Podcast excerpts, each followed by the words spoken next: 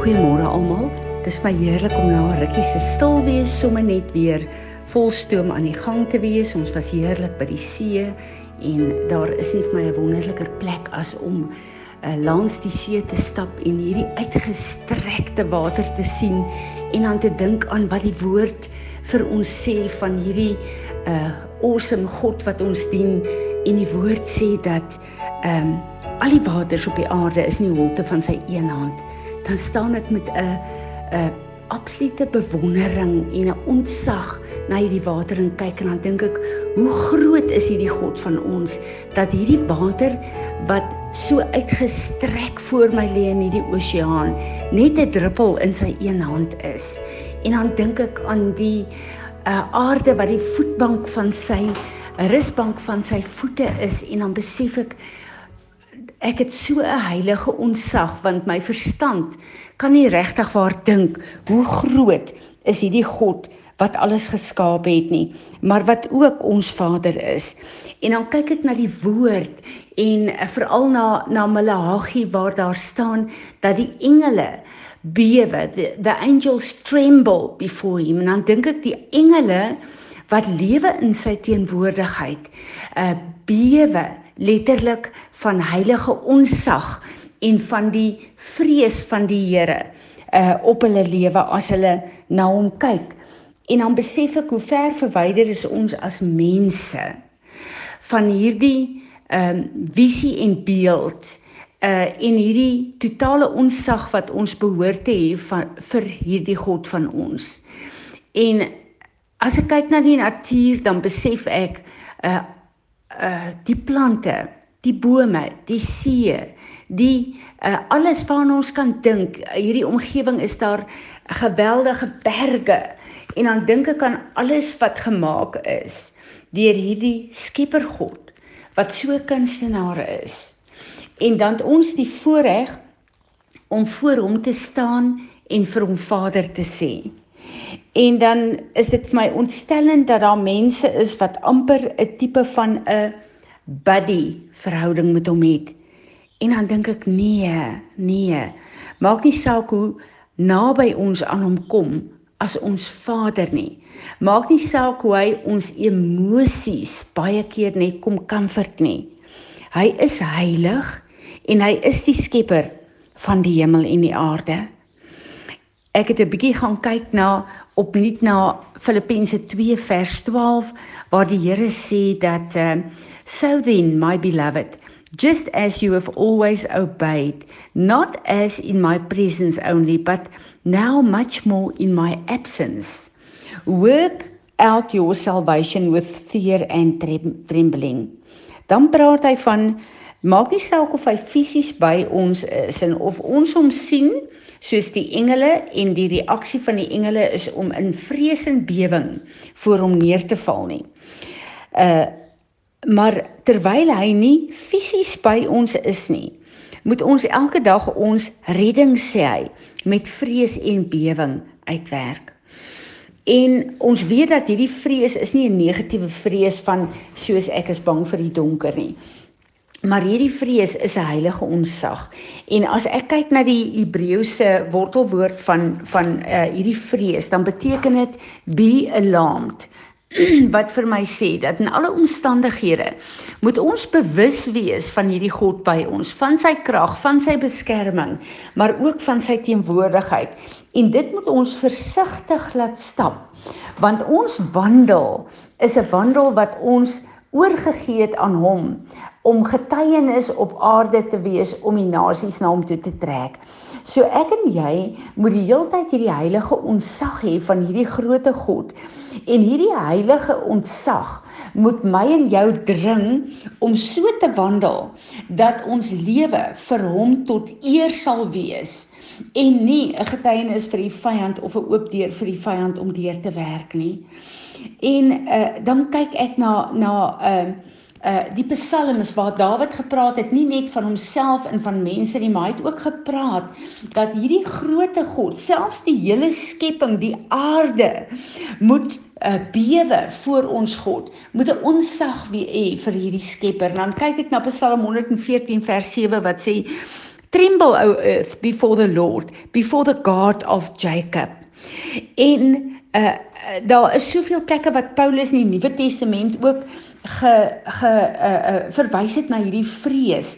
En uh, vir my is Korin 1 Korintiërs 2 vers 3 so 'n wonderlike skrif want hy kom en Paulus kom en hy skryf vir die uh vir die uh vir, uh, vir die mense in die kerk van Korinte. Hy sê um uh, in sy swakheid as hy kyk na God dan is dit met vrees en bewing want hy besef dat hierdie God met alles wat hy nodig het elke plek waar hy swak is waar hy in sy mensheid is kan hy kyk na hierdie God en kom trek van hierdie God wat hy nodig het.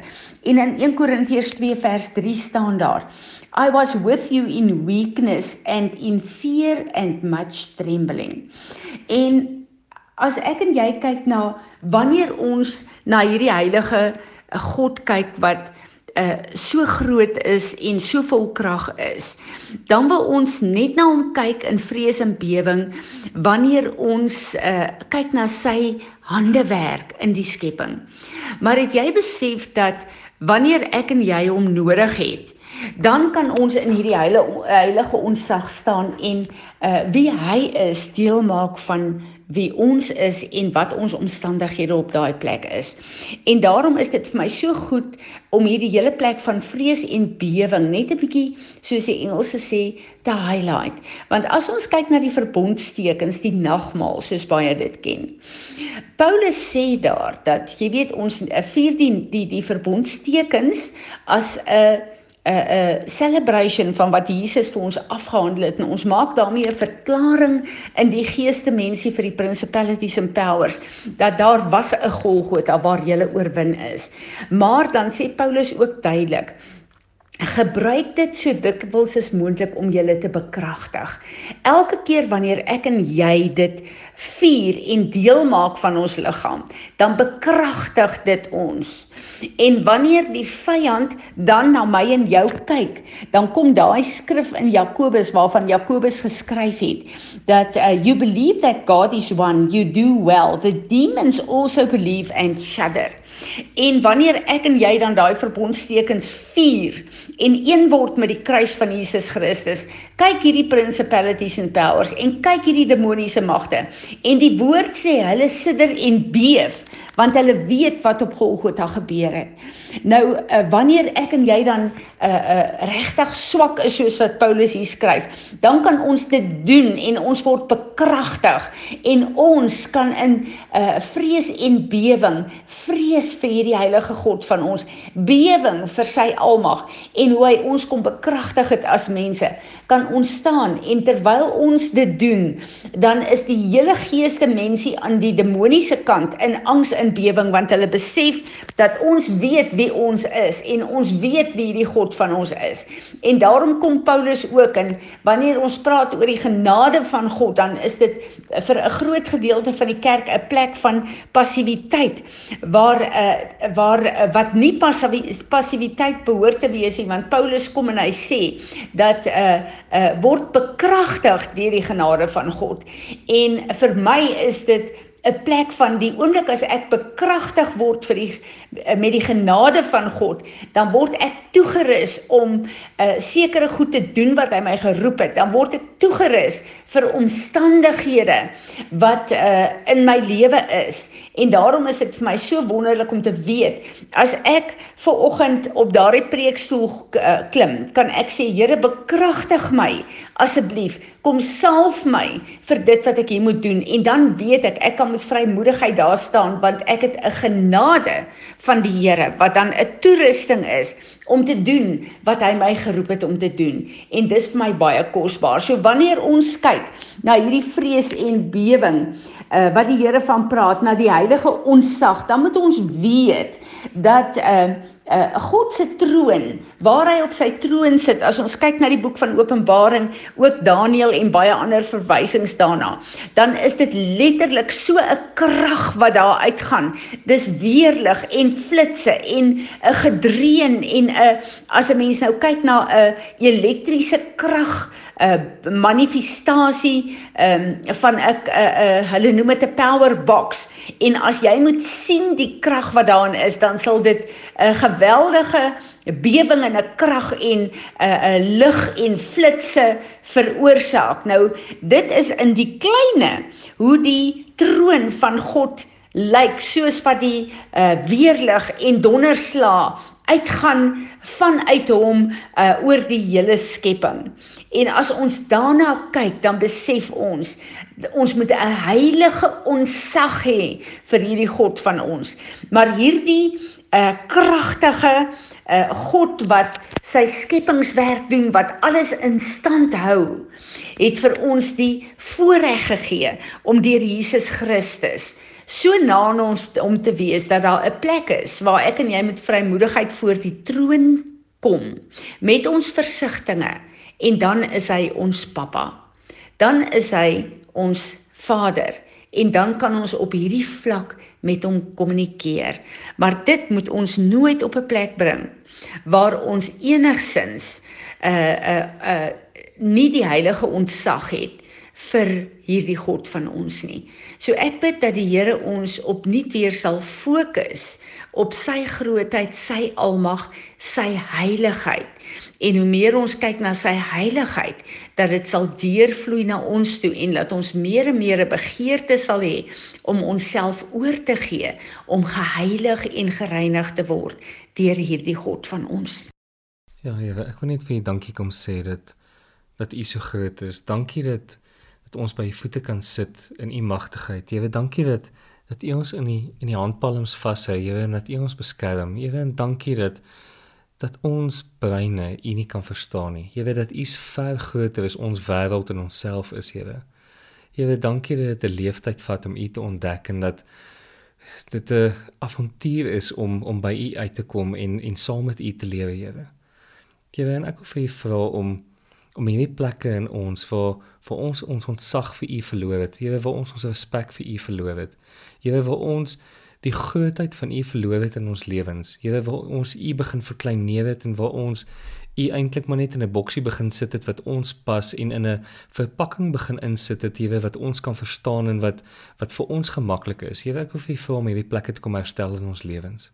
Here ek wil kom vergifnis vra dat dat ons nie die grootheid van die wil raak sien en raak sien nie, Here, en dat dit vir ons intimiderend raak en dat ons u wil verander sodat dit vir ons gemaklik word, Here. Jy wil gefeer reg vir om hierdie plekke in ons te kom genees en en hierdie plekke in ons te kom oopbreek, Here, dat daai ontsag in ons sal vlam vat, Here, en dat ons u sal begin raak sien, u sal begin ontdek vir wie u is. Here, ek weet ons kan dit in onsself doen nie, want ons het nie kapasiteit om dit te kan doen nie. En Here, dankie dat dat U so groot is dat ons nie al kapasiteit het nie. Here, maak vir U vir om, om dit in ons elkeen van ons te kom bewerk, Here. Here, dat ons in die res van ons lewens hierdie ontsag vir U sal hê en dat ons daarin sal groei hier by U voete en dat ons net al hoe meer van U sal verstaan en dat ons op die ou ende sal verstaan hoekom daar in Openbaring staan dat die engele net by U troon sit en net sê heilig, heilig, heilig. Here, dat ons Here net in hierdie diep verhouding van U sal kan met U sal kan ingaan Here in hierdie totale ontsag wat U in ons bewerk Here. Here, dankie daarvoor. Dankie dat ons kan weet dat U klaar maak wat U begin het. Here, en dat U selfs hierdie ontsag en hierdie respek wat ons vir U het, dat U dit sal klaar maak in ons en dat U ons sal wys die pad om te loop met hierdie hele ding, Here. Here, dankie daarvoor. Amen.